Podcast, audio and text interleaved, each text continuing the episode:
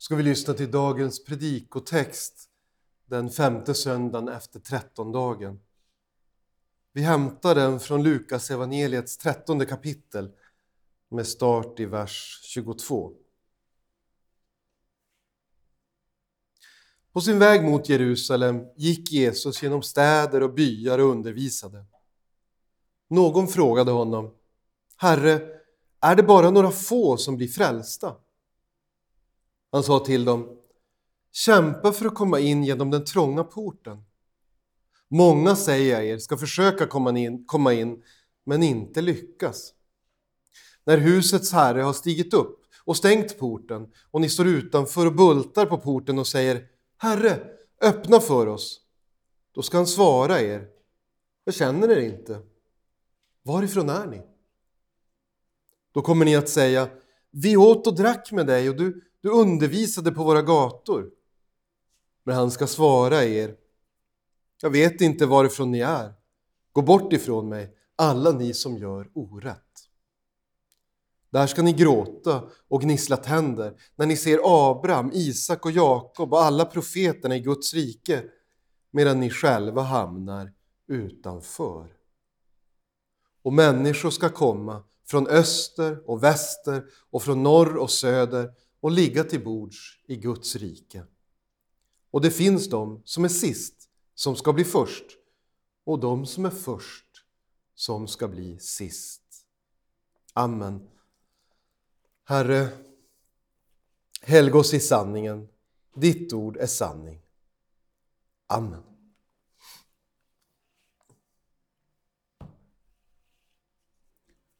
Är det få som blir frälsta? Det är frågan som ställs till Jesus i våran text idag. Och det är en fråga som jag vill att vi stannar upp inför och funderar på. Är det få som blir frälsta? I världen så finns det en rad exklusiva klubbar. Föreningar där det är svårt att bli medlem. Där det är svårt att få komma in. Tröskeln är hög och porten är smal. Jag vet inte om någon av er är intresserad av golf, men det finns en golfklubb, en förening i Georgia i USA, där man varje år spelar en exklusiv turnering som heter Masters. Och i den här föreningen som annars arrangerar mästerskapet, där är det oerhört svårt att bli medlem. Nästan omöjligt. Och söker man på hur man ska göra för att bli medlem i den här föreningen och kunna spela på den här vackra golfbanan och få eh, äta den här fantastiska restaurangen. Då står det så här. Om du vill bli medlem, fråga inte om du, vill, om du får bli medlem. För då är det kört för alltid. Sätt att bli medlem det är att kanske bli kompis med någon som har vunnit mästerskapet. Tiger Woods eller sådär. Eller kanske att vara president i något mäktigt land. Så ni förstår att det är svårt att komma in. Under väldigt lång tid så var det bara vita män som kunde bli medlemmar. Omöjligt för svarta och omöjligt för kvinnor. Det var en exklusiv klubb. Och inte förrän någon medlem bjöd in en kunde man få komma med. Är det så med himmelriket? Är det en exklusiv klubb bara för de särskilt utvalda, bara för de som har de rätta kontakterna. Vi ska fundera på det idag tänkte jag. I vår text så säger Jesus att det är många som kommer att försöka komma in i himmelriket, men inte kan. Låter inte det olycksbådande? Vi kan se att det är så. Det är många som försöker komma in i himmelriket men inte kan det. En del av dem tar fel väg dit. De följer en annan religion än den som Jesus predikar. Kanske judendomen med sina lagkrav och sina bestämmelser kring sabbaten. Med sina oerhört detaljerade lagar kring vad man får och inte får äta. Och så tänker de, om vi skiljer köttet från mjölken, då kanske vi kan komma in i Guds rike. Men Jesus säger, nej, ni kommer att stå utanför och ropa. En del kanske följer Mohammed som sa sig vara en profet och som upprättade fem pelare för sina anhängare som de skulle hålla sig till. Vallfärd till Mecka och bön vid vissa specifika tider. Gåvor till de fattiga, trosbekännelse och så vidare. Och så tänker man, om vi verkligen strikt följer de här reglerna, om vi inte bara följer de reglerna som finns i Koranen, utan lägger på extra regler. Om våra kvinnor inte bara döljer håret, utan allt utom ögonen. Kanske kan Gud då ha nåd med oss. Och kanske får vi komma in i Guds rike. Men Jesus säger nej. Ni kommer att stå utanför och ropa. Släpp in oss. Andra följer läror som handlar om karma. Och man tänker sig att om man gör tillräckligt mycket gott under sitt liv så kan man reinkarnation efter reinkarnation klättra mot en upplösning i världssjälen. Om man bara är tillräckligt god så kan man få dö en gång för alla och slippa leva. Då kan man uppnå nirvana. Men vi får inga fler liv här på jorden. Vår nådatid är nu. Och de som förlitar sig på sin egen karma och sina egna goda gärningar som de tänker sig under tusentals liv. De kommer stå utanför och ropa. Herre, släpp in oss. Andra, de vill inte välja en väg, utan de vill göra ett litet hopkok av alla vägar, av alla religioner. Man brukar kalla det new age ibland. Man vill plocka lite här och lite där. Man står vid ett buffébord uppdukat med en massa olika religiösa traditioner och övningar och så kan man plocka det man själv är sugen på. Kanske man ser det, meditation, åh, oh, det mår jag så bra det lägger jag på min tallrik. Reinkarnation, tänk om jag har varit en prins i ett tidigare liv, det lägger jag på min tallrik. Det låter smaskigt. Synd som Gud fördömer, det låter inget vidare. Det får nog ligga kvar där. Du är god som du är. Ah, vad härligt. Det lägger jag på min tallrik. Och new age, eller liksom en sån här allmän religionsblandning, det är ett sätt för människor att komma i kontakt med det andliga. Och en del av dem tror också att det finns någon gud eller en massa gudar. Men när deras liv är slut, då kommer inte Herren att säga visa upp dina fina yogapåsar. Han kommer inte vara intresserad av hur djupt man har lyckats försjunka i meditation. Man kommer inte vara intresserad av vilka, vilka magiska stenar man har använt. Utan dörren kommer att vara stängd. Men det som kanske allra mest oroande i dagens text, det är att Jesus talar om att även de som kallar sig kristna, en del av dem kommer att få stå utanför. De känner hans namn och ropar Herre öppna för oss, vi känner ju dig. Du känner ju oss. Vi åt och drack när du var med. Känner du inte igen mig? Så där kan det vara i exklusiva klubbar. Någon står utanför och ropar Känner du inte igen mig? Någon som är där inne, så tänker man att de ska komma ut och säga ah, den här killen ska inte stå i lång kö, han får gå förbi, släpp in honom bara. Vi har ju träffat dig Jesus, vi lyssnar ju på din undervisning. De känner till Kristus, de känner honom inte. De känner honom inte som den han är. De kanske tycker att han är en skicklig pedagog. Vilka fina liknelser du berättade Jesus. De har jag fått ut mycket av i mitt liv. Eller Jesus, vad snäll du var när du tog hand om de sjuka och de svaga. Det har jag också gjort. Visst får jag komma in i himmelriket? Men ändå kommer porten att vara stängd trots att de har varit snälla flera gånger i sina liv. En del kommer att säga du undervisar på våra gator Jesus. Vi har vuxit upp i ett kristet samhälle. Vi har firat jul, ja, nästan varje jul och gett varandra julklappar och ätit julskinka. Räcker inte det?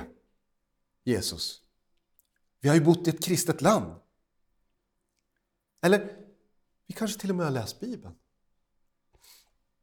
Vi kanske till och med varit medlemmar i en kyrka och hört Guds undervisning och tänkt ja, jag är i alla fall bättre än de där utanför. Vi har ju i alla fall skenet av att vara en kristen kyrka. Vi, vi har biblar där längst bak i kyrkolokalen. Räcker inte det? Ibland när folk frågar så kallar jag mig till och med kristen. Men att känna till Guds undervisning, men sen strunta i den, det är inte att vara en Jesu lärjunge. Att veta vad Bibeln säger, men säga mm, så tänkte man förr i tiden. Vi har ju en modern kyrka idag. Det är klart att vi har lagt sådana där gamla traditioner bakom oss. Vi måste ju vara strömlinjeformade och nutidsanpassade. Det vinner man en del på här och nu, tror jag. Budskapet blir lättuggat och acceptabelt för många. Men Jesus varnar för att den som inte känner honom på riktigt kommer att stå där utanför och ropa Herre släpp in oss. Vi känner ju dig. Och så kommer han att säga Jag känner inte er. Ni kommer att gråta, säger han, när ni ser patriarkerna, de här människorna jag läst om i Bibeln. Abraham, Isak, Jakob, Maria, Rut, Rebecka. Att de är i himmelriket, men inte ni. Men Jesu varning, det gäller inte bara alla andra där ute. Alla de som tillber falska gudar eller struntar i gudar överhuvudtaget eller är namnkristna. Utan varningen gäller ju också mig och dig. Jesus vill varna alla. Var inte en sån som bara hör Jesu undervisning genom ena örat och låter det gå ut genom det andra. Utan klamra dig fast vid hans ord. Klamra dig fast vid hans ord och håll dem nära hjärtat. Låt dem vara dyrbara för dig. Jesus vänder också på sitt resonemang i vår text idag. Många som tror att de ska komma in kommer inte att göra det, säger han. Men många ska komma in, som är oväntade. Han talar om att människor ska sitta till bords i Guds rike som kommer från alla möjliga länder. Genom historien har vi ju sett hur de gudstroendes tyngdpunkt har legat i olika delar av världen. Israels folk hade en särskild roll på det gamla testamentets tid. Och profeterna sändes till Israels folk. Tyngdpunkten låg där. Tron var inte till bara för dem. Men det fanns en tyngdpunkt där. Vi ser i den tidiga kyrkan hur evangeliet sprids först runt det här medelhavsområdet, i romarriket, österut bort till Indien, till Nordafrika. Men uppe i Norden, i Nordeuropa, dit tog det ett tag innan evangeliet nådde. Senare har man tänkt sig att, och kanske sett att tyngdpunkten på något sätt ligger i västvärlden, i USA, i Västeuropa. Där är kyrkan stark. Där finns det en stark kristen tradition och många får höra evangelium. Det här skiftar över tid. Nu ser vi att europeiska länder vänder sig bort från Gud och inte vill veta av Jesu offerdöd på korset. Jesus säger det.